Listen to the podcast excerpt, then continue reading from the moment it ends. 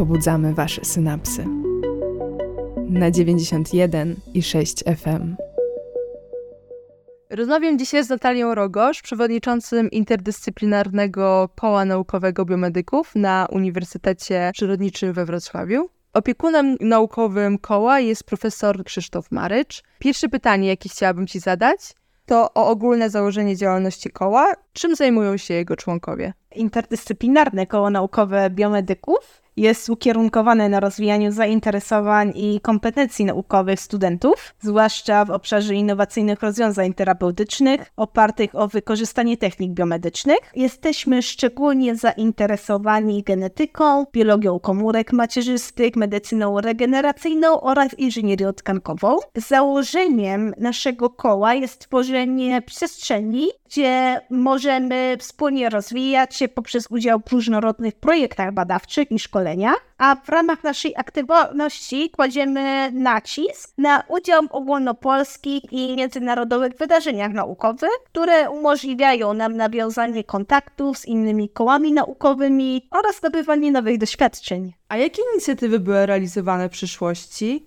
Jakie osiągnięcia koło ma na koncie? Członkowie koła realizowali projekty, które koncentrowały się na molekularnych aspektach biologii komórki. W szczególności badania poświęcone były ocenie wpływu stresu siateczki śródplazmatycznej na funkcjonowanie w końskich komórkach progenitorowych, na przykład tkanki tłuszczowej i endometrium. Te badania były realizowane pod opieką pani dr Agnieszki Śmieszek. Braliśmy udział w Dniu Aktywności Studenckiej, a 12 stycznia Ogólnopolskiej Nocy Biologów. Studenci działający w interdyscyplinarnym kole naukowym poprowadzili dla młodzieży warsztaty z izolacji DNA oraz quiz o tematyce biologicznej z nagrodami. Tego dnia to nie były jedyne atrakcje w Katedrze Biologii Eksperymentalnej, bo podczas Nocy Biologów pracownicy katedry zorganizowali seminarium i ćwiczenia poświęcone hodowlom komórkowym, a także anglojęzyczne zajęcia z sekcji myszy. W ostatnich miesiącach poświęciliśmy dużo intensywnej pracy nad projektem związanym z rolą białka SHBG w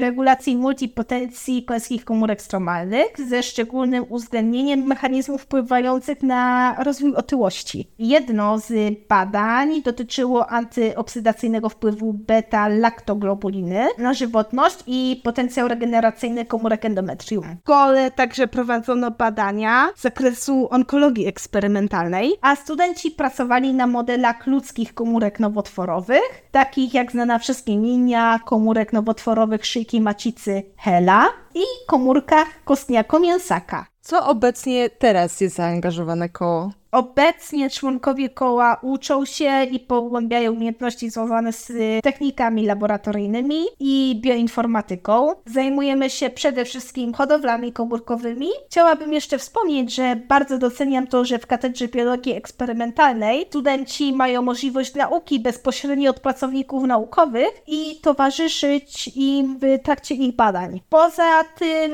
przygotowujemy się do konferencji naukowych, na których będziemy publikować kolejne wyniki badań związanych z białkiem SHBG. Chcielibyśmy wziąć udział w kolejnej edycji konkursu na dofinansowania na projekty badawcze realizowane przez SKN. Myślimy obecnie nad tematami tych projektów i mamy nadzieję, że wiosną ruszymy z nowym projektem. Chciałabym Cię jeszcze spytać o przyszłość. Co wydaje się ciekawym kierunkiem dla koła? Fascynującym kierunkiem dla koła wydaje się rozwój w obszarze terapii genowych, terapii spersonalizowanych, a także badania dotyczące wykorzystania komórek macierzystych oraz druku 3D w medycynie regeneracyjnej. Uważam, że ciekawym obszarem badań y, jest metabolomika, która umożliwia wykorzystanie analizy niskocząsteczkowych związków biologicznych, pobranych przykładowo z osocza lub moczu,